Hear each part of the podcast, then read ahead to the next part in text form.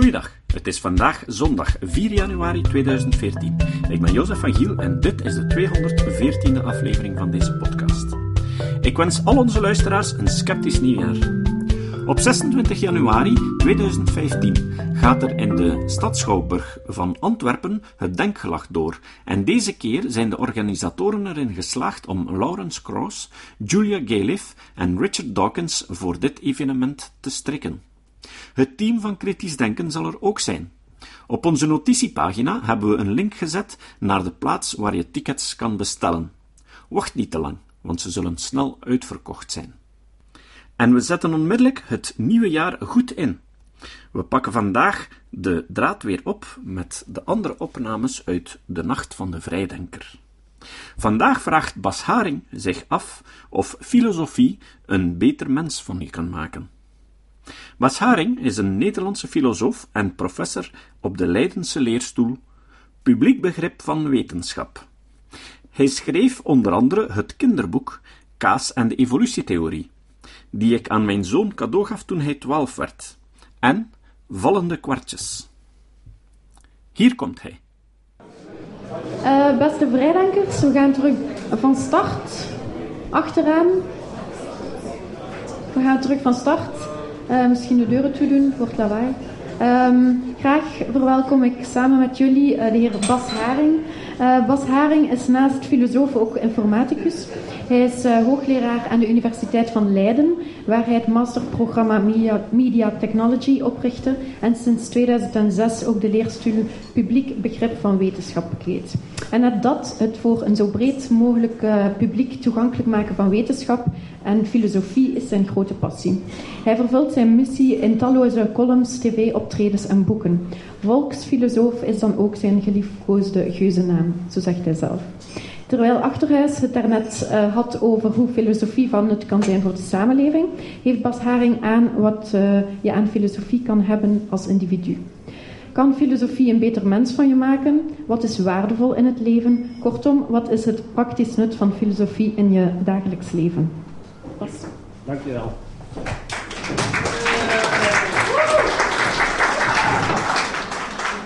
Ik ben Bas, bedankt voor de introductie. En um, ik wil ook graag Bas genoemd worden. En jullie mogen ook de hele tijd inbreken. Dus als je iets wil zeggen of boel wil roepen of een opmerking wil maken of een vraag wil stellen, dan moet je dat vooral doen. En ik hou ervan dat het een beetje een ontspannen sfeer is. Ik pak het foldertje erbij. En in het foldertje is u van alles beloofd. Ik ga namelijk inderdaad vertellen dat uh, wat is de zin van het leven? staat zelfs in het folder, daar ga, ga ik een antwoord op geven. En uh, hoe onderscheid je zin van onzin? Wat is waardevol in het leven? Waarom is helder denken belangrijk? Dat zijn allemaal hele grote vragen. En het zou natuurlijk heel vreemd zijn als ik op deze vragen antwoord zou gaan geven. Dat kan helemaal niet. Um, het feit dat die vragen in het foldertje staan, heeft ermee te maken dat ik het heel moeilijk vind om van tevoren te vertellen waar ik precies over ga praten. En dan wordt er voor alles in zo'n folder beloofd. Maar toch is het zo dat ik wel onderwerpen, dat ik wel uh, dingen zal vertellen die raken aan dit. En ze werden heel goed samengevat daarnet. Ik wil praten over wat het nut kan zijn van, van filosofie. En voor mij is vrijdenken en filosofie, dat gooi ik eventjes op één hoop. Dat is gewoon op één hoop. Wat is het nut daarvan? En een eerste reactie zou kunnen zijn, wanneer je de vraag krijgt, wat is het nut van filosofie? En de eerste reactie, reactie is de volgende. Nou, wil je een antwoord kunnen geven op die vraag, dan moet je nadenken over wat nut überhaupt is. Wanneer is iets nuttigs? Is het nuttig wanneer je als persoon daar plezier aan beleeft? Is iets nuttig wanneer we er met z'n allen profijt van hebben? Wat, wat is nut eigenlijk? En met die vraag ben je aan het filosoferen. Dus de vraag, wat is het nut van filosofie? Dwingt je tot filosoferen, wat laat zien dat het noodzakelijk is om te filosoferen. Wat niet zegt dat filosoferen ook nuttig is, maar op zijn minst is het wel noodzakelijk. Bovendien is het zo dat als iets noodzakelijk is, dan rijst de vraag of het nog wel zinnig is om, te om, je de vraag te stellen of het ook nuttig is. Alles wat noodzakelijk is, ja, dat is er sowieso. Dus of het dan nuttig is, is misschien helemaal niet zo, niet zo relevant meer. Dus de noodzakelijkheid van filosofie, die blijkt uit deze hele korte uiteenzetting van 20 seconden wel. Het nut daarvan, dat is misschien een andere vraag, maar misschien ook een irrelevante vraag. Wanneer je stil wilt staan bij het nut van zorgvuldig nadenken, ik ga straks in op wat ik veronderstel dat filosofie is, Um, wanneer je daarover nadenkt, wat is het nut daarvan überhaupt? Dan kun je allerlei verschillende nutten kun je, ja, kun je aannemen. Eén nut is het nut voor jou als individu. Wat levert het jou op wanneer je aan denken doet? Een ander nut is ietsje breder. Wat levert het je naast omgeving op? En weer wat breder, wat levert het ons allemaal op? Het laatste onderwerp is het onderwerp waar Hans Achterhuis stil heeft gestaan. Dat wil ik ook even kort. Even kort wil ik die twee andere nutten pakken. Hè, levert het ons allemaal op. Dan wil ik nou wat kleiner, wat levert het de mensen om jou heen op. En wil ik eindigen met wat levert het jou persoonlijk op. En daar heb ik feitelijk de rest van de tijd voor. Is er nu al een vraag of een opmerking? Het is leuker wanneer je wel vragen of opmerkingen maakt. Dan kan ik namelijk iets anders vertellen dan datgene wat ik voorbereid heb. Dat is altijd leuker. Dat is echt waar. Ja, heel goed. Wat is typisch Calvinistisch? Nutsdenken. Ah, is, is nutsdenken typisch Calvinistisch? Nou, um, de vraag stellen of iets nuttig is, is van zichzelf nog niet Calvinistisch. Maar de behoefte hebben aan een antwoord, dat is misschien wel Calvinistisch. Maar de vraag zelf, die beschouw ik als gegeven. De vraag wordt gesteld, dus ga ik erover nadenken. En dat is, aan zich niet Calvinistisch. Maar dat de vraag gesteld wordt, is, en dat er ook een behoefte bestaat aan een antwoord, dat is wellicht inderdaad Calvinistisch. Daar, daar heb je gelijk in. Ik moet zelf zeggen dat ik niet hou van nutsdenken, maar je kan het woord nut ook een beetje oprekken en, en, en de vraag stellen, wat heb je eraan? Of is het leuk? En leuk is een woord waar filosofen niet van houden, omdat leuk een heel vaag begrip is, met een, met een vage positieve connotatie. Het betekent, het betekent iets goeds, maar je wil niet definiëren wat er dan precies goed is. Daar hou ik erg van. Ik hou er heel erg van, een van intuïtief gevoel van goed, zonder precies te vertellen wat er zo goed is. En dan gebruik ik dan het woord leuk voor. Ik hou erg van het woord leuk. Dus je kunt ook hier de vraag stellen, is filosofie leuk? En waarom is het dan leuk? En voor wie is het leuk? En dat misschien, misschien is dat wel verstandiger dan het woord nut. Afijn. Even uitzoomen. Nog een vraag. Nee, nu ga ik verder met mijn verhaal. Ik onthoud jouw vinger, ja? Anders wordt het te warrig. Even eh, heel groot. Wat kan, wat kan het nut van filosofie voor ons allemaal zijn? Ik heb het verhaal van Hans niet gehoord, want dat stoort mij. Ik wil altijd van tevoren een beetje concentreren op wat ik zelf te vertellen heb. Dus misschien is het een doubleur. Maar um, ik wil twee aspecten van filosofie voor ons allemaal. Uh, wil ik naar voren laten komen aan de hand van anekdotes. Ik hou ook erg van anekdotes. En die kun je dan weer met een knapper woord parabel noemen. Een parabel is een verhaaltje wat zijn geschiedenis heeft in de kerk. Um, en dat is een manier om een ingewikkeld idee voor een breed publiek voor het voetlicht te krijgen. Ik hou erg van parabels. En deze parabel gaat over het roken van sigaretten in restaurants. En daarmee probeer ik dus iets, een, nou, iets te illustreren van filosofie. Um, als je nu in een restaurant een peuk opsteekt, ik rook zelf niet, dan word je direct heel erg boos aangekeken. En mensen reageren direct, vermoed ik zelfs, lichtelijk agressief. Ik denk dat ze je het restaurant uitsturen. Zeker als je de peuk niet uitmaakt. En dat is echt zo. Mensen voelen echt van, nou, dit is niet goed. Er rookt iemand in een restaurant. Nog maar heel kort geleden vonden we het heel normaal dat mensen een sigaret in het restaurant opstaken. Dat is nog maar een jaar of vijf geleden. En vonden we het compleet normaal. Blijkbaar kan het dat we in een hele korte periode van slechts vijf jaar met z'n allen drastisch van overtuiging veranderen. Dat kan. Blijkbaar kan dat. En dan kun je in het geval van die sigaretten denken dat het goed is. Het is goed dat we, dat we meer gericht zijn op gezondheid. En dat we mensen die peuken opsteken, ja, dat we daar wat tegen hebben. Dus je zou het heel optimistisch kunnen, kunnen zien. Maar je kunt het ook heel pessimistisch beschouwen, deze ontwikkeling. En dat laatste heb ik een beetje. Ik vind het heel eng. Wanneer we met z'n allen in een hele korte tijd van het ene het andere kunnen gaan denken. Want dat, dat, dat, het feit dat dat kan, vertelt mij dat het mogelijk is dat we binnenkort met z'n allen iets denken waar ik nu helemaal niet van hou. Misschien, misschien is dat zo. Misschien denken we over een tijdje wel dat mensen die van elders komen helemaal niet welkom zijn in onze land. En het ze allemaal maar daaruit moeten zoeken. Dat is een, dat is een overtuiging ik, die ik nu niet leuk vind. Maar het is dus mogelijk dat wij straks met z'n allen iets dergelijks denken. dat, dat vertelt dat sigarettenverhaal mij. Bovendien is het zo dat wanneer iedereen hetzelfde denkt, het helemaal niet gezegd is dat het het juiste is om te denken. Dat laat het sigarettenverhaal, die sigarettenparabel van de restaurants ook zien. Het is helemaal niet gezegd dat, het, dat men het juiste denkt als men allemaal hetzelfde denkt. En dat is waar vrijdenkers of filosofen een rol in gaan spelen. Dat zijn de mensen die continu zeggen van ho we denken allemaal wel die kant op, maar we weten niet zeker of dat de juiste kant is. Zouden we ook niet die kant op kunnen denken? En ik vind het een belangrijke rol om een beetje te garanderen dat we de hele tijd blijven twijfelen aan of we wel het juiste denken. En uiteindelijk bij elkaar opgeteld denk ik dat we dan met z'n allen iets verstandigers denken. Dus dat, dat is een nut voor ons allemaal van filosofie. Als wij allemaal die kant op denken, dan is het niet gegarandeerd de juiste kant. Er moeten mensen zijn die zeggen, ja, maar denk ook die kant op. En dat zijn typische vrijdenkers of filosofen. Dat is nut nummer 1. ik heb nut nummer 2 ook nog. En was dit helemaal in lijn met wat Hans, Hans Achterhuis net vertelde? Of was Nee? Had hij een ander verhaal? Of, of, of was hier niemand die net Hans Achterhuis ook gehoord heeft? Dat kan natuurlijk ook nog. Nut nummer 2 is een ander nut. Ik heb het dus over het nut voor ons allemaal hè, van, van filosofie. En um, ik gebruik weer een parabel. Dat is een verhaal wat heel veel indruk op mij persoonlijk heeft gemaakt. Ik was op bezoek bij een uh, lagere school. Ik weet niet of het hier in Vlaanderen ook lagere school heet. Het lagere school of basisschool? Of... Maar dat heet jullie kennen beide begrippen.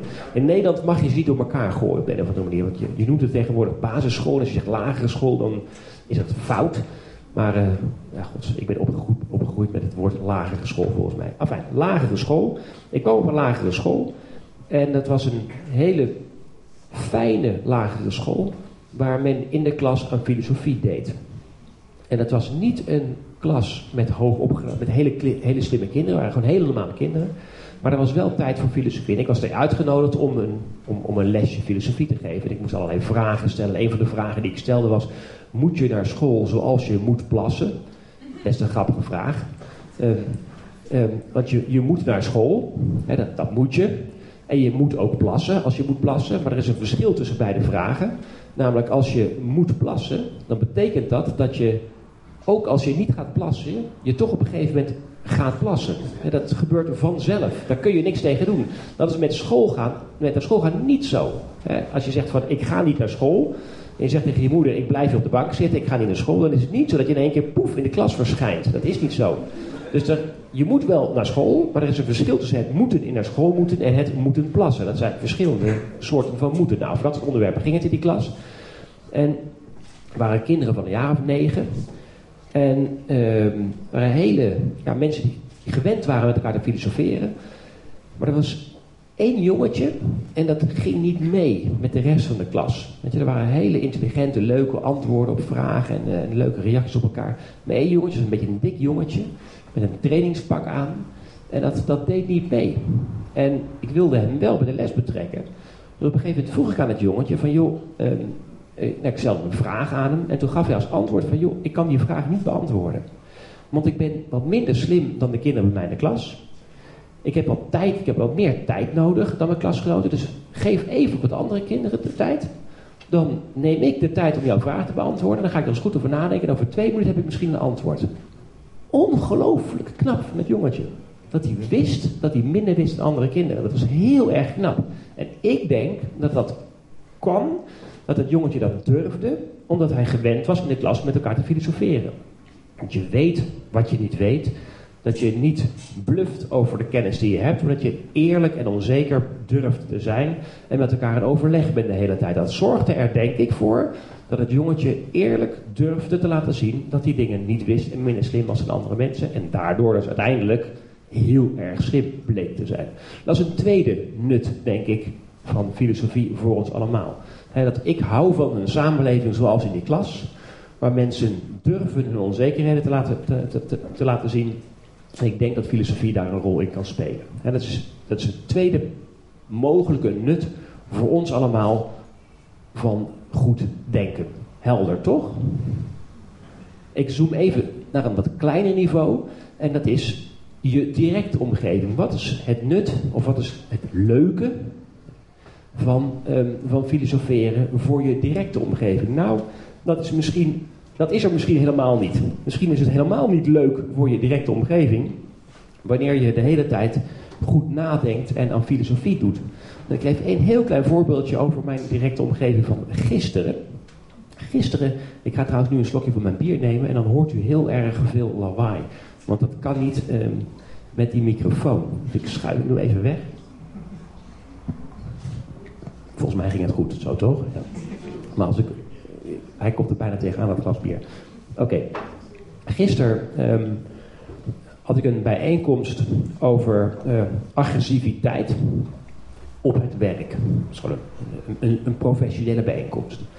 En daar was een onderzoeker die zich met dat onderwerp bezighield. He, wat moet je met agressiviteit in, in een professionele omgeving? In het bijzonder onderzocht hij de politie. Politie krijgt veel te maken met agressiviteit. En hoe moet je daarmee omgaan?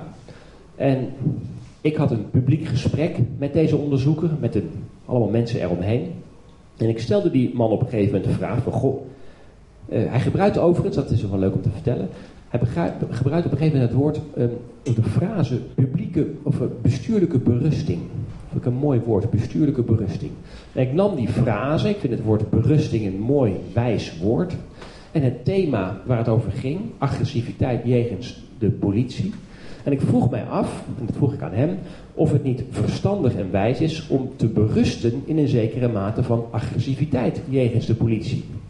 Kunnen, moeten we niet berusten in een zekere niveau van agressiviteit? Af en toe krijgt de politie een klap voor zijn kanus en moeten we daar niet in berusten? Vroeg ik mij af. En hij keek op en zei van nou deze vraag, die heb ik mezelf eigenlijk nog nooit gesteld. En toen vroeg ik aan hem weer gewoon puur uh, gewoon zo nieuwsgierig van, dat is toch vreemd? Je bent iets aan het onderzoeken en je stelt je de vraag niet of je überhaupt dat wel zou moeten onderzoeken. Dat, dat, dat, dat, hoort toch? En hij zei van, ja, dat is misschien wel zo, maar ik vind het helemaal niet leuk dat jij mij die vraag stelt. Ik, ik voel me hier eigenlijk een beetje ongemakkelijk van met al die mensen die nu, naar, nu naar ons gaan zitten kijken. En dat is, he, dat is wat filosoferen in je kleine omgeving teweeg brengt. Dat is helemaal niet leuk. Als je veel filosofeert, en veel vragen stelt en veel denkt, dan vinden de mensen in je omgeving je vaak heel erg irritant. En um, dat is nou eenmaal zo. Daar, daar zul je mee moeten doen. Dus misschien is het voor ons allemaal heel erg goed dat er goed nagedacht wordt. In een kleine omgeving, het ligt natuurlijk een beetje aan de omgeving, is het vaak helemaal niet makkelijk om iedere keer tegenwicht te bieden, alternatieven aan te reiken, vragen te stellen, maar datgene wat iedereen vanzelfsprekend vindt. En dat, dat wordt je niet in dank afgenomen altijd. U heeft maximaal twee vragen om te stellen, weet dat. Dus dit is de laatste vraag die u mag stellen vanavond. U mag uw vraag nog intrekken en denk ik, waarom voor later? Oké, heel verstandig van u. U mag overigens wel handelen in vragen. Dus u kan zeggen, weet je wat, ik koop een vraag voor de buurvrouw en dat, dat, mag. Oké. Dus eventjes een kort, kort stukje was dit van, nou, het is misschien in je kleine omgeving niet zo leuk om iedere keer vrij te denken. En nu het onderwerp waar ik werkelijk bij stil wil staan, wat kan dat vrijdenken voor jou zelf betekenen? wat, wat, wat kan dat, wat kan dat voor, voor jou betekenen? Dan moet ik natuurlijk eerst stilstaan bij van, nou, wat bedoel ik feitelijk met filosofie dan? Wat bedoel ik daar eigenlijk mee? Waar heb ik het überhaupt over? En waar ik het dan over heb, um, je kunt verschillende dingen denken. Hè? Je kunt zeggen van nou, filosofie, dat is um, dat je uh, boeken pakt en zaken gaat bestuderen. Dat kan. Of filosofie is dat je gaat ijsberen door de kamer. Dat kan ook. Heel hard gaat nadenken. Of op een schommelstoel gaat zitten met een sigaar en over de einde eruit gaat zitten, zit, zitten turen de hele dag. Je kunt allerlei ideeën hebben bij wat filosofie is. Voor mij is filosofie het volgende. Is dat je de vragen die in je opkomen, dat je die serieus neemt en dat je ze niet wegmoffelt. Je hoeft niet per se altijd vragen te stellen. Dat kan helemaal niet. Dat zou, dat zou kunstmatig zijn. Maar wanneer je vragen hebt en denkt van hé, hey, ik wil hier meer van afweten of hoe zit dit? Dan moet je die vragen serieus nemen. Dat is een belangrijk aspect, vind ik, van filosofie, of in ieder geval waar ik het vandaag over heb, is de vragen die je hebt serieus nemen en aandacht geven. En twee, Je moet iets met die vragen doen. En dat doen kan twee dingen zijn. Eén, je kunt de vraag die je hebt bestuderen. Wat is dat voor een vraag? Hoe zit die in elkaar? En twee, je kunt proberen die vraag te gaan beantwoorden. En die twee dingen, het, het vragen stellen en de vragen die je hebt serieus nemen. En tijd steken in de vraag en het beantwoorden van de vraag, dat hoort bij mij bij een, wat ik even noem, een filosofische levenshouding. En daar kun je wat aan hebben, denk ik. Zijn er nieuwe vragen? Nee? Is het helder wat ik bedoel met filosofie? Dat is dus iets anders als boeken kopen en filosofen bestuderen. Dat bedoel ik niet met filosofie doen. Dat kan wel. En er zijn heel veel filosofen die dat doen. Maar dat is niet wat ik vanavond bedoel met filosofie doen. Filosofie doen betekent voor mij vragen stellen en serieus aandacht geven aan het bestuderen en mogelijkerwijs beantwoorden van die vragen. Oké, hoe. Ja? Maar toch geef je hem maar twee vragen. Ik, ja, ik geef hem maar twee vragen, omdat ik weet dat er heel veel mensen zijn die heel erg vragerig zijn. En dan wordt het een één op één gesprek. Dat is gewoon niet leuk voor de rest van de zaal. Het is gewoon een praktische. Ah, maar nu doet hij iets heel slims. Hij gaat een antwoord geven. Dat telt niet als een vraag. Ja. Dus zijn vraag was van waarom geef ik die meneer maar twee vragen? En hij geeft een antwoord. Dat mag. Je mag een antwoord geven. Nee, dat is niet omdat ik wist dat er obstructie was. Dat suggereert nee, omdat ik weet dat er mensen zijn die heel veel vragen. En dat is niet leuk voor de rest. Dus zo, zo dim ik het een beetje in. Um, nee, dat moet ik niet doen. Nee, die andere mensen. Nee, nee, dat doe ik voor hun. Dat doe ik voor hun. Ik ben heel gemeen in die dingen. Net als een schoolmeester. Ik geef even wat voorbeelden over wat ik bedoel met dat het zelf vragen en ze serieus nemen. dat zijn twee voorbeelden uit mijn persoonlijke leven en een, voorbeeld, en een ander voorbeeld. En het eerste voorbeeld is eigenlijk hoe ik überhaupt filosoof geworden ben.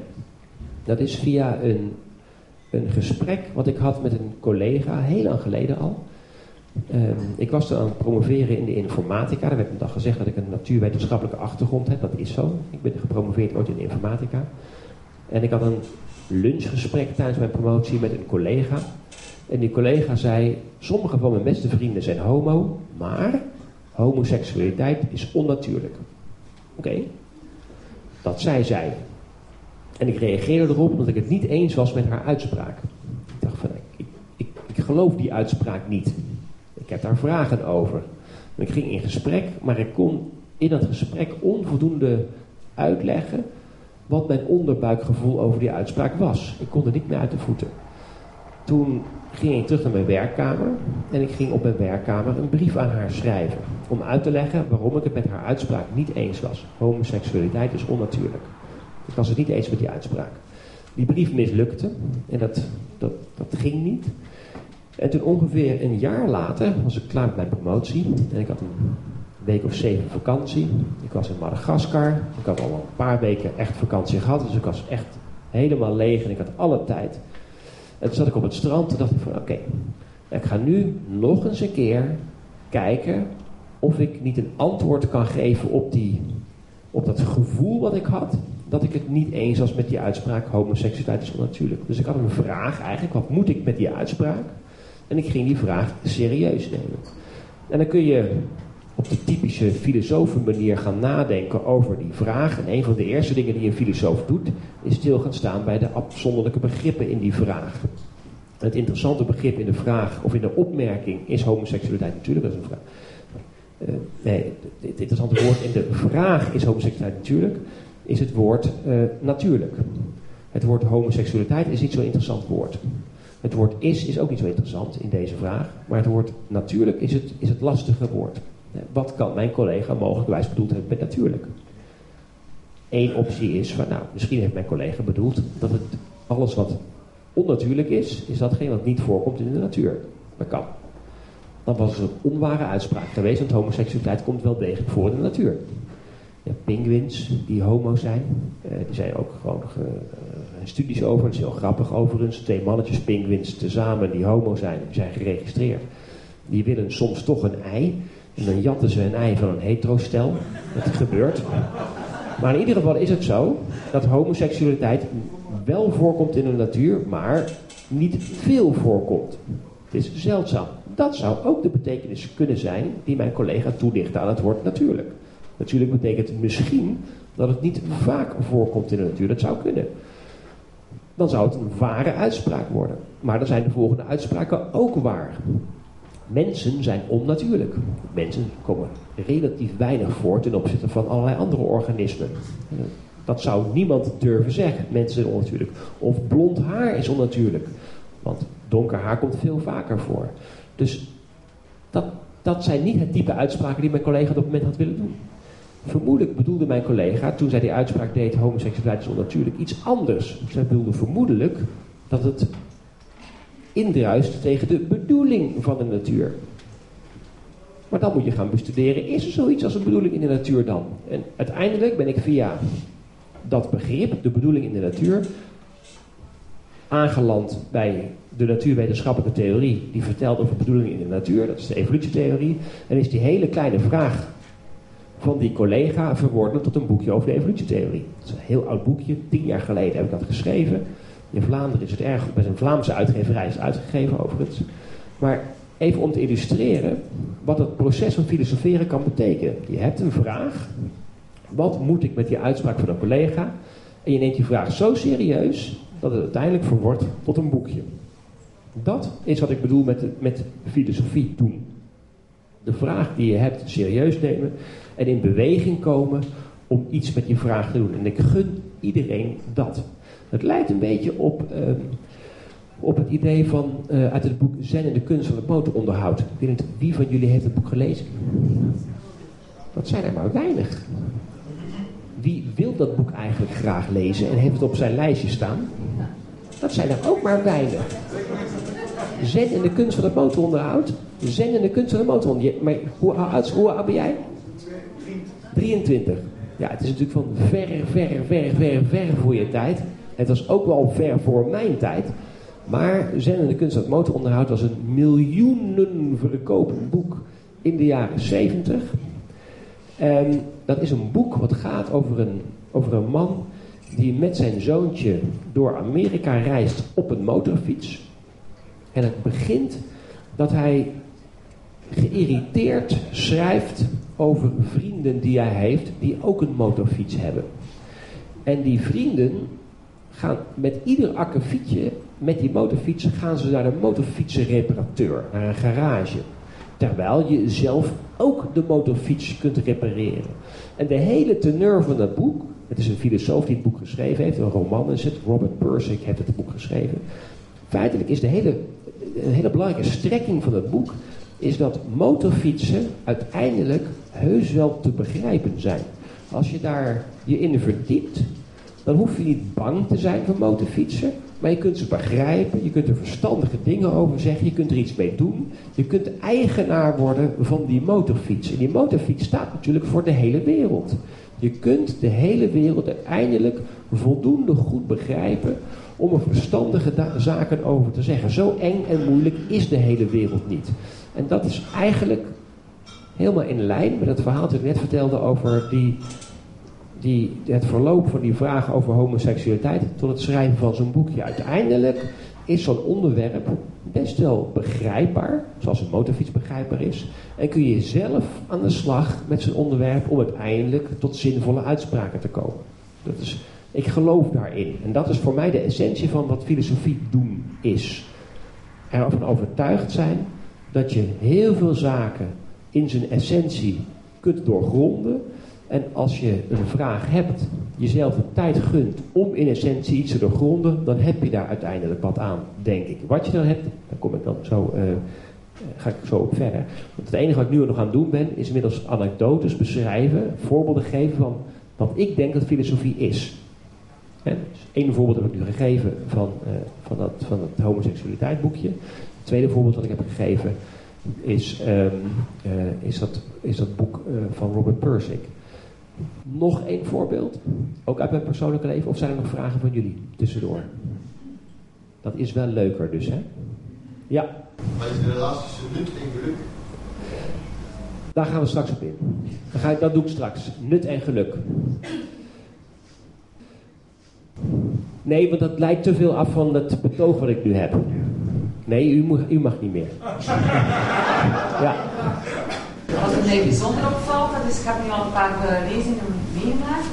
En je bent de eerste filosoof die vanuit uw buik iets zegt en die ook over gevoel al iets gezegd heeft. En tot hiertoe heb ik alleen nog maar drie kwartier geluisterd naar theorie, theorie, theorie. Ja. En jij doet dat helemaal anders. En hiervan ga ik dus niet weten waarmee je bezig bent. En van de rest pak ik ook zo eventjes. Het is altijd interessant, maar kan ook het boek lezen. Nou, u moet zich goed realiseren. Ik ga even in op deze rip. Ja, sorry voor de anderen waar ik niet op inga. Hier ga ik nu even wel op in. Sorry. Ehm, zij zei van ja, maar ik hoor nu iets wat te maken heeft met het gevoel in plaats van met ratio. En van alle andere verhalen die ik gehoord heb, denk ik, ik kan kan het boek ook lezen, maar nu hoor ik iets anders. Dat is misschien zo, maar ik kan dit slechts vertellen omdat ik een zeer rationeel persoon ben. Ik ben ook net zo rationeel als al die andere mensen, denk ik. Alleen kies ik er nu voor om een iets andere vorm te nemen wanneer ik een verhaal vertel. En bovendien vind ik het heel belangrijk om, eh, om aan te sluiten bij dingen die je zelf ervaart. Als je dingen zelf ervaart, kun je dingen ook beter begrijpen. En dat is uiteindelijk wat ik interessant vind. En dat is echt iets wat filosofen vaak vergeten. Die hebben hele theoretische verhalen die niet aansluiten bij datgene wat ze persoonlijk meegemaakt hebben of wat andere mensen persoonlijk meemaken. En dat is gewoon dom. Je moet in de verhalen die je vertelt aansluiten bij onze persoonlijke belevenissen. Slechts dan gaan die verhalen voor ons leven. Maar uiteindelijk, en dat is misschien niet leuk voor jullie eh, of voor u dat ik dat vertel, om van zo'n vraag, is homoseksualiteit natuurlijk, te komen tot een boekje over de evolutietheorie, moet je zo'n stapel boeken over biologie lezen. Dat is natuurlijk wel zo. Alleen heb, ga ik natuurlijk niet de verhalen over biologie vanavond vertellen. Dat, dat is flauw. En bovendien ga ik überhaupt niet vertellen over die verhalen, over die dikke stapelboeken. Die, boek, die stapelboeken heb ik nodig om uiteindelijk een goed verhaal te kunnen vertellen. Maar ik ga die boeken niet herhalen, ik ga een goed verhaal vertellen. Of in ieder geval, dat is mijn ambitie. Als ik boeken schrijf. Niet als ik nu vanavond een verhaal vertel. Maar bedankt voor deze, voor deze opmerking. Ik ga weer verder, ja? Ik kijk wel even in mijn schrift. Waar was ik ook alweer? Um, ja. Nog een, een, een, een beschrijving van hoe een vraag en het stellen van een vraag ervoor kan zorgen dat je in beweging komt. Dat is weer een vraag uit mijn, iets uit mijn persoonlijke leven. En dit betreft um, een, een, een gebeurtenis van een jaar of vijf geleden, denk ik. Mijn vrouw is bioloog en werkt een deel van het jaar in Panama. Daar doet ze onderzoek in het regenwoud. Feitelijk doet ze onderzoek op het Panama-kanaal. Maar om het Panama-kanaal heen is allerlei regenwoud. En ze zit in een bootje en doet allerlei metingen vanuit dat bootje. En ik ging bij haar langs in Panama. En we zaten samen in een bootje en we waren over het Panama-kanaal aan het varen. Ik neem aan dat u allemaal weet dat Panama een groot kanaal heeft, toch? En we voeren op het bootje en links en rechts allemaal oerwoud. Dat was een zeer indrukwekkende ervaring. Een dag na die boottrip ging ik in mijn eentje naar het Kanaalmuseum. Een museum wat hoort bij het kanaal. En ik zag de foto's hoe het kanaal gebouwd was. 100 jaar geleden was het één grote kaalslag. Want voordat men dat kanaal kon gaan graven, heeft men het oerwoud daar weggekapt, een spoorlijn aangelegd. En vanuit die spoorlijn is men toen gaan graven. Maar, vroeg ik mij toen af, hoe kan dat? Oerwoud betekent oud bos. Oer is oud. Maar 100 jaar geleden was er nog geen bos. Nu is daar iets wat ik oerwoud noem. Rara, hoe kan dat? Dat bos kan niet ouder zijn dan 100 jaar. Hoe zit dat? En ik had die vraag, maar ik stelde hem niet. Dat was heel dom. Ik moffelde die vraag een beetje weg. En toen ik weer terug was in Nederland, toen heb ik die vraag op een gegeven moment aan een aantal mensen gesteld. En die kwamen met het antwoord van, nou, wat je gezien hebt, Bas, is secundair regenwoud. Je kunt het regenwoud in twee categorieën verdelen. Het primaire regenwoud, dat is het echte, stoere oerwoud. En het secundaire regenwoud, dat is het wat jongere minder stoere regenwoud. Bovendien, zeiden de mensen met wie ik sprak, dat primaire regenwoud, dat is gaaf, dat is mooi.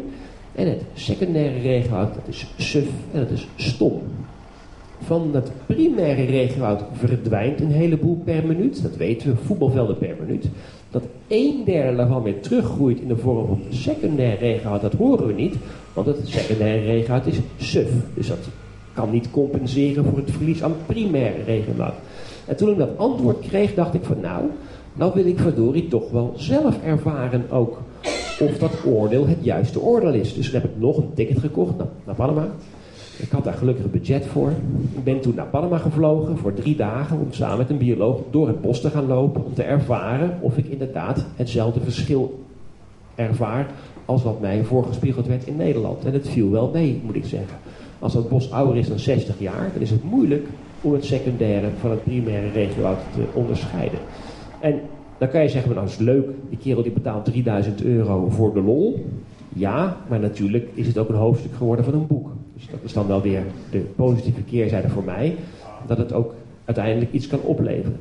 Maar het zelf zo'n vraag serieus nemen en het dan zelf in beweging komen om die vraag te beantwoorden, is voor mij persoonlijk een zeer waardevolle ervaring.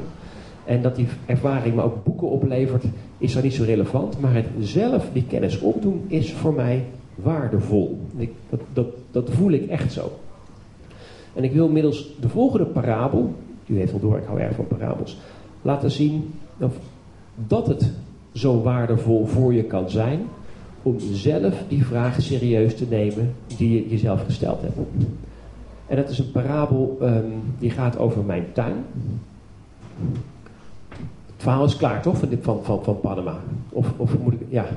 Wat had je gedaan als je niet genoeg geld had Dat is een goede vraag. Wat had ik gedaan als ik niet genoeg geld had gehad?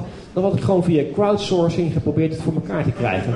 Dat is natuurlijk zo, hè? maar dat is echt zo. Als jij echt iets wil weten en je bent nieuwsgierig ergens naar en je denkt van ja, maar ik wil het weten. Ik wil dat niet wegmoffelen. Ik wil dat serieus nemen. Als je een vraag hebt, dan, dan, dan kun je op de een of andere manier in beweging komen om die vraag te gaan beantwoorden. En als je het werkelijk wil, ik heb nog nooit meegemaakt dat je het niet lukt. Je, je, kunt, daar, je kunt daar dingen voor mobiliseren en andere mensen herkennen dat. Ze zeggen, dat is leuk, hopla, ik geef die vent 50 eh, euro. Nee, als een aantal mensen dat zeggen, kun je dat Panama. Ja. Uh, we hadden een discussie daarover, maar je hebt twee keer het woord dom gebruikt. Maar wat dom. is dat eigenlijk? Dom. Dom. dom. Wanneer heb ik het woord dom gebruikt? Net al twee keer. Als een filosoof niet um, iets schrijft. Ik herhaal wat hij zegt, maar ja. Vanuit zijn, um, waar hij zelf ervaring vanuit de theorie. Ja. En als je niet de, als je niet de vraag stelde, wat is dan uh, niet interessant aan het secundaire rekenmaat? Ja, oké. Okay. Um, jij, jij, jij, stelt aan mij de vraag van, ja, maar wanneer, je hebt twee keer het woord dom gebruikt, wat is dom dan? Ik reageer eigenlijk op dezelfde manier als op het woord, um, uh, wat is het woord net? Le, ik zei leuk, nuttig. Um, ik hou heel erg van ongedefinieerde woorden die een soort positieve of negatieve connotatie hebben. En dom is voor mij eventjes dan een woord van nou, dat is gewoon niet zo leuk. Ja, dat is tegen, het is, heeft gewoon een negatieve connotatie zonder te hoeven specificeren wat een negatieve connotatie is. Maar in het, in het geval van filosofen die ervoor kiezen om louter theorie te praten in plaats van voorbeelden te gebruiken die Jan allemaal gebruiken, vind ik dat het woord dom, zoals we dat dagelijks gebruiken, wel op zijn plaats is. Want die filosofen hebben namelijk een doel. En het doel is dat zij willen dat hun toehoorders iets begrijpen. En als je een doel hebt en je weet dat je een methode gebruikt die dat doel, waarmee dat doel niet behaald kan worden, dan mag je dat onverstandig noemen. Dan moet je een andere methode gebruiken. En het woord onverstandig is hetzelfde als het woord dom. Dus stelkens als ik, als ik het woord dom gebruik, mag je ook het woord onverstandig horen.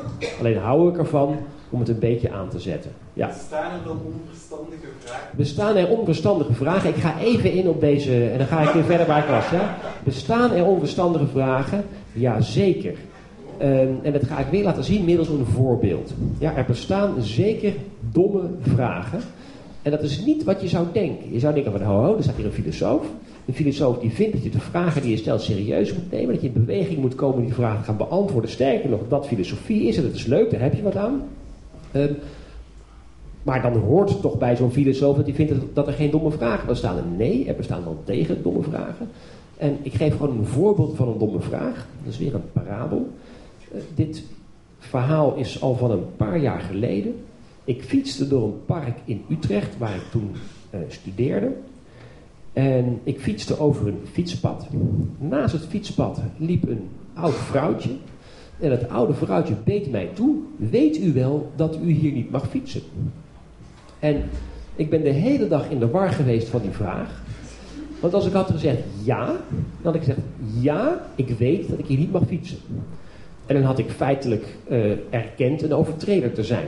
Ja? Dat wilde ik niet, want ik wist dat ik wel mocht fietsen. Als ik had gezegd nee, had ik gezegd: Nee, sorry mevrouw. Ik wist niet dat ik hier niet mocht fietsen. Dan had ik af moeten stappen en moeten gaan lopen. Dat wilde ik ook niet, want ik mocht gewoon fietsen. Dus nog ja, nog nee waren de juiste antwoorden op de vraag. Wat moest ik hiermee? Wat hier aan de hand is, is dat er in die vraag een aanname besloten ligt die onwaar is. Namelijk de aanname dat je er niet mag fietsen. Je mocht er namelijk wel fietsen, het was immers een fietspad. Dat soort vragen zou je domme vragen mogen noemen. Dat zijn vragen waarin een aanname besloten ligt die onwaar is geef nog meer van. Ik kan nog een aantal van die voorbeelden geven. Wanneer je mij vraagt, wat is de naam van je hond? Dan is het een domme vraag, want ik heb geen hond. Dat is dus de aanname dat ik, dat, dat ik een hond heb. Of ik geef nog een voorbeeld. Dat is een, werkelijk voorbeeld uit mijn werk. Ik heb ook een baan aan de universiteit. Niet lang geleden kreeg ik een formulier op mijn tafel. En op het formulier werden allerlei vragen gesteld over hoe het op het werk ging.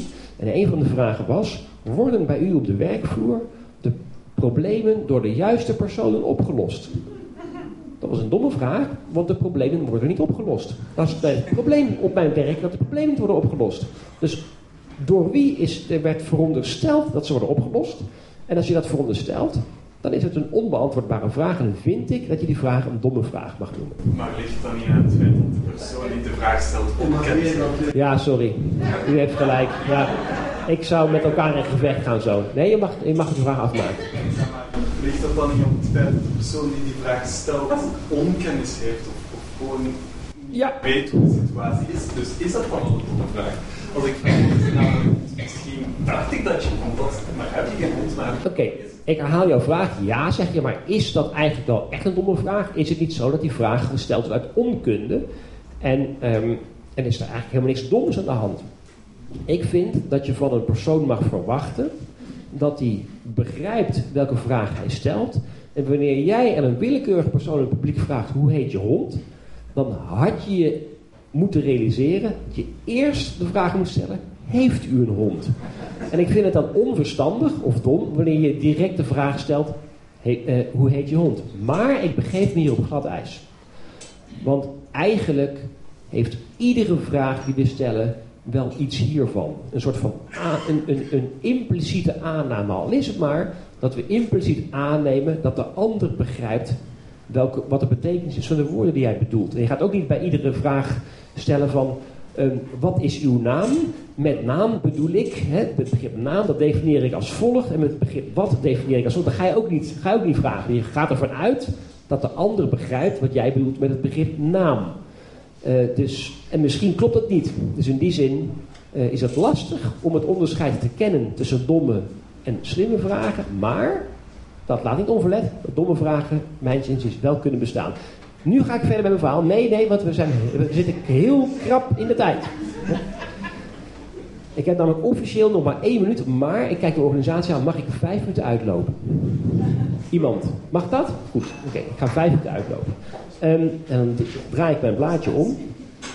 Um, want ik wilde deze parabel afmaken. De parabel die mij geleerd heeft dat het zelf vinden van antwoorden en het zelf actief bezig gaan met de vragen die je zelf hebt, dat je daar echt, dat je er zelf wat aan hebt. De wereld heeft er misschien niks aan, maar zelf heb je er wat aan. En deze parabel gaat dus over mijn tuin, had ik al beloofd. Uh, ik woon in, uh, in, in Nederland, iets ten noorden van Amsterdam, in een, um, in een landelijk gebied, op een, op een terreintje met een sloot eromheen. Je zou het een eiland kunnen noemen. Dat is een vrij klein stukje grond. En er zat een klein huisje. En dat huisje dat was vroeger een boerderij. En de boer die daar woonde, die, uh, die was heel slordig met zijn grond. Dat hebben boeren meestal. Voor hun is een erf is, is een bedrijf, bedrijfsterrein. Dus die heeft van alles in de grond gestopt. Koeienbotten, heel veel puin. Ik heb een hele koeienheup heb ik gevonden uh, in de grond. Het is echt een echt puinhoop bij mij in de tuin. Op een gegeven moment moest ik een gat graven in de tuin. En ik had een boom gekregen en die moest ik ergens planten. En ik begon te graven en ik dacht van ja, ik ga vast over een tijdje allerlei troep tegenkomen van die boer. Nou, duurde niet lang, na 50 centimeter kwam ik zooi tegen. En het was heel vies, het was een beetje okergeel, plantaardige resten waren het en het, en het stonk. Ik dacht oké, laat me zitten. Ik ga, hier heeft de boer duidelijk gewoon een vieze troep bewaard. Ik ga een eentje verderop een gat graven, want het maakt niet uit waar die boom zou komen. En weer een 50 centimeter, precies hetzelfde. Okergele, stinkende troep onder de grond. Oké, dacht ik, het is een hele grote berg troep onder de grond. Ik ga naar het andere eind van de tuin, zo groot zal die berg troep niet zijn. En ik ging daar graven en weer een 50 centimeter hetzelfde. Toen dacht ik, er is iets raars aan de hand. En ik ging door mijn knieën, ik pakte dat spul en liet het door mijn vingers gaan, ik rook eraan. En toen realiseerde ik me plots, dit is veen. Ik woon in veengebied. En veen zijn plantaardige resten. En die stinken, want die hebben altijd onder de grond gezeten en, of onder water gezeten. En dan krijg je allerlei rare processen. Dat gaat naar zwavel ruiken, dat is, dat is spul. En het is okergeel, het lijkt een beetje op tabak.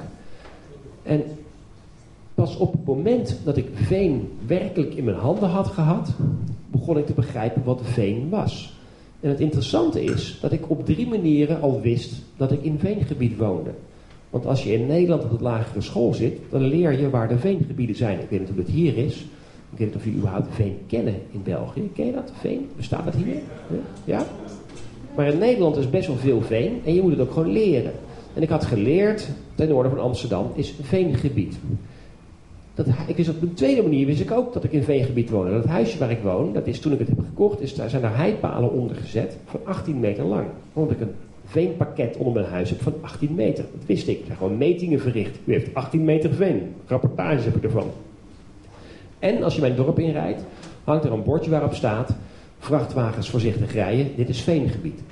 Dus ik is op drie manieren dat ik op veengebied woon. En toch, pas op het moment dat ik het zelf in mijn eigen handen had gehad, pas toen ging veen op een zekere manier voor mijn leven en begreep ik het echt. In ieder geval denk ik dat ik veen nu op een andere manier begrijp dan dat ik veen in het verleden begreep.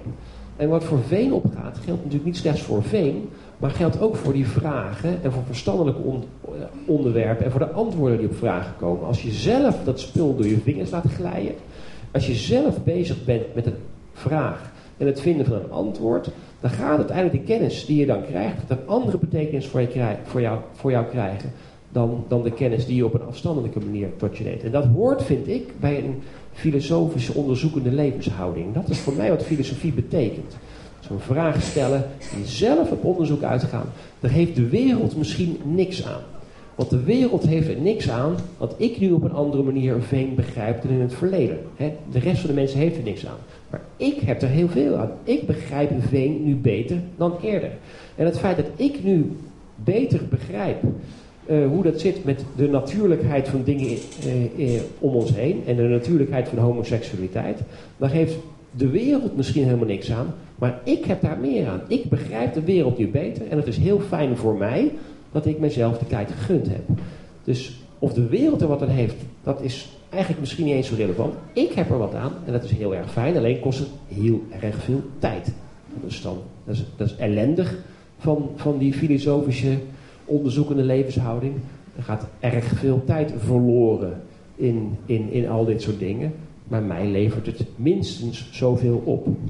Eén laatste um, uh, opmerking nog. En dan kap ik ermee, anders loop ik te veel uit. En ik wil ook nog wat jullie wat tijd geven om, om, om, dingen te zeggen. Um, ik worstel nog met het volgende probleem. En dat is een worsteling die ik echt heb. Als het nou gaat om om, die, uh, om het een vragen en in beweging komen om die vraag te beantwoorden. Dat hoort heel erg bij mij. Ik ben nu bezig met het onderwerp economie. Daar wist ik tot drie jaar geleden echt helemaal niks van. Ik heb heel veel vragen daarover. Moeten we groeien dan? En wat groeit er dan? Is het logisch dat een dokter meer verdient dan een secretaresse? Of dat wij meer verdienen dan mensen in China? Um, waarom is de rente 5%? Is inflatie echt heel erg? Allerlei vragen. Hoe, waar komt geld vandaan? Allemaal hele naïeve vragen die ik dus wil gaan bestuderen. Dat, dat moet bij die levenshouding waar ik het net over heb gehad. Uh, ik worstel nog met het volgende. als je dan een antwoord hebt gevonden op zo'n vraag en mee bezig bent geweest, moet je dan in stilte dat antwoord opschrijven, opdat je er verstandiger van wordt? Of mag je ook op de bres springen en dat antwoord van de daken schreeuwen en mensen in een soort van activisme ehm, betrekken bij, bij wat je gevonden hebt? Dat is, dat is een worsteling die ik persoonlijk heb. En dat is een worsteling die je ook kan terugzien in allerlei filosofen uit het verleden. Socrates bijvoorbeeld was, weten we, een groot denker.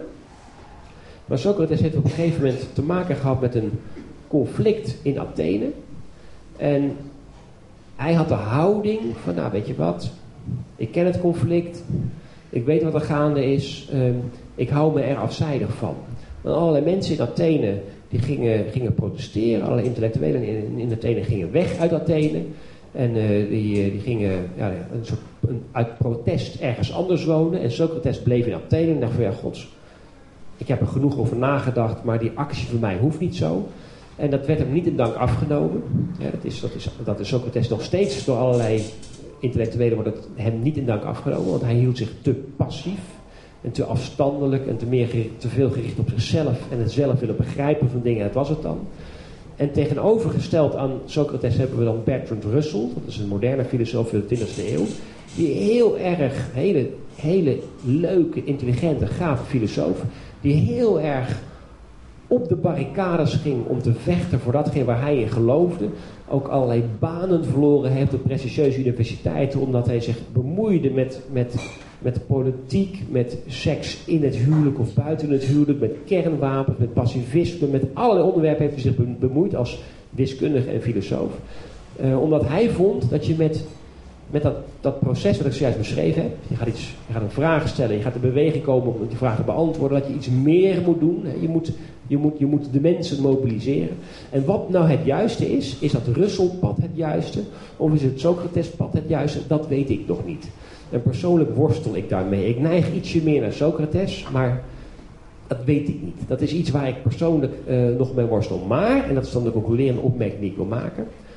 Um, dat pad van neem de vragen die je hebt serieus. Geef ze aandacht. Ga Ga in beweging komen om die vraag te beantwoorden. Doe dat door, te, door te gaan schrijven of door te gaan onderzoeken of naar Panama te gaan of wat dan ook. Dat is een pad waar ik veel verstandiger van geworden ben. Waar ik veel aan heb gehad. En ik gun iedereen dat pad toe heel veel succes. En nou heb jij nog een vraag. Ja. Historisch is zo, weten we niet veel. Ja. Dus alles is hypothese over waarom dat hij de dingen deed, wat hij wel weet, dat U zegt, ja maar ho, jij refereert nu aan de historische Socrates en dan weet dat is een detailopmerking. Natuurlijk, ik heb het nu eventjes over de literaire Socrates en er is heel veel over deze actie van hem te doen. En of dat nou werk, of hij nou werkelijk in Athene gebleven is of niet, dat weet je natuurlijk niet met zekerheid. Dat is helemaal waar. Maar er is in de 20e eeuw nog een historicus geweest die heel boos is geworden op Socrates, dat hij zo laf was om in Athene te blijven. En ik worstel daar persoonlijk mee. Wat moet ik nou? Stel je voor dat ik ben bezig met het onderwerp economie. Wat moet ik daar nou mee? Moet ik nou in stilte dat onderwerp begrijpen en daar zelf verstandiger van worden? Of moet ik krantenartikelen gaan schrijven, me aansluiten bij politieke partijen en de wereld proberen te veranderen? Ik, wil, ik vertel het verhaal alleen maar om te laten zien dat ik met dit stukje nog worstel. Om te laten zien dat filosofen ook worstelen. Nee, nu, nu, nu, nu iemand anders. Heeft iemand van u nog een vraag? Ja. Als iedereen dacht zoals Socrates om hem afstandig te houden, dan zou je toch ook niet de mogelijkheid hebben om iets op te zoeken, want je zou alle kennis van nul moeten weten. Ja, jij zegt, mag ik toch deze vraag beantwoorden? Ja, zeg jij. Um, ja, maar als iedereen was zoals Socrates en niet de moeite nam om activistisch de antwoorden op te schrijven, dan hadden wij daar geen profijt van. En dan, dan, dan was het stilgebleven. Ja, daar heb helemaal gelijk. Maar is dat de verantwoordelijkheid van Socrates? Dat is de vraag. Is het de verantwoordelijkheid van Socrates om die toekomstige generaties te helpen met zijn kennis? Dat weet ik dus niet. Veel succes.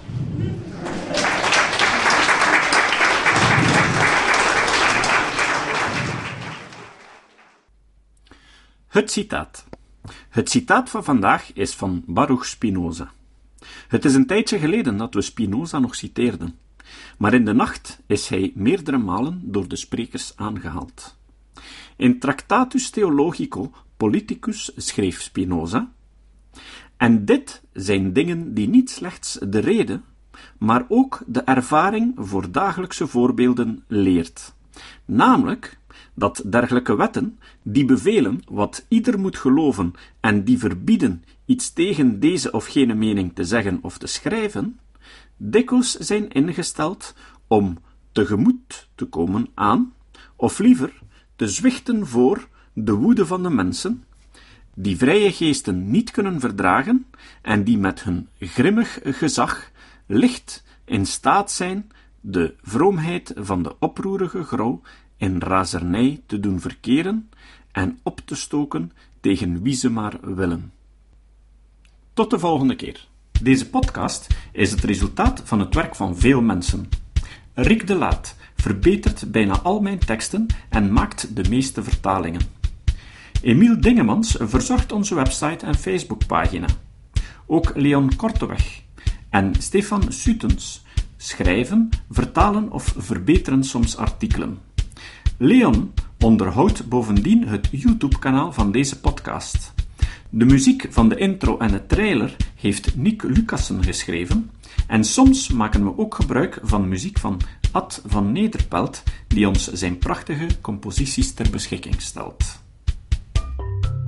Dit was de podcast Kritisch Denken. Vergeet niet om alles kritisch te behandelen, ook deze podcast. Voor verdere informatie over deze podcast, links en voor de tekst, surf naar www.kritischdenken.info. Als je deze podcast belangrijk vindt, kun je me steunen door anderen warm te maken ook eens te luisteren. Stuur een e-mail naar vrienden met een link naar de website en plaats de link in de handtekening van je e-mails. Tevens kun je op iTunes deze podcast een beoordeling geven of een recensie schrijven. Of je kan op je eigen website of blog een link naar kritisch denken plaatsen.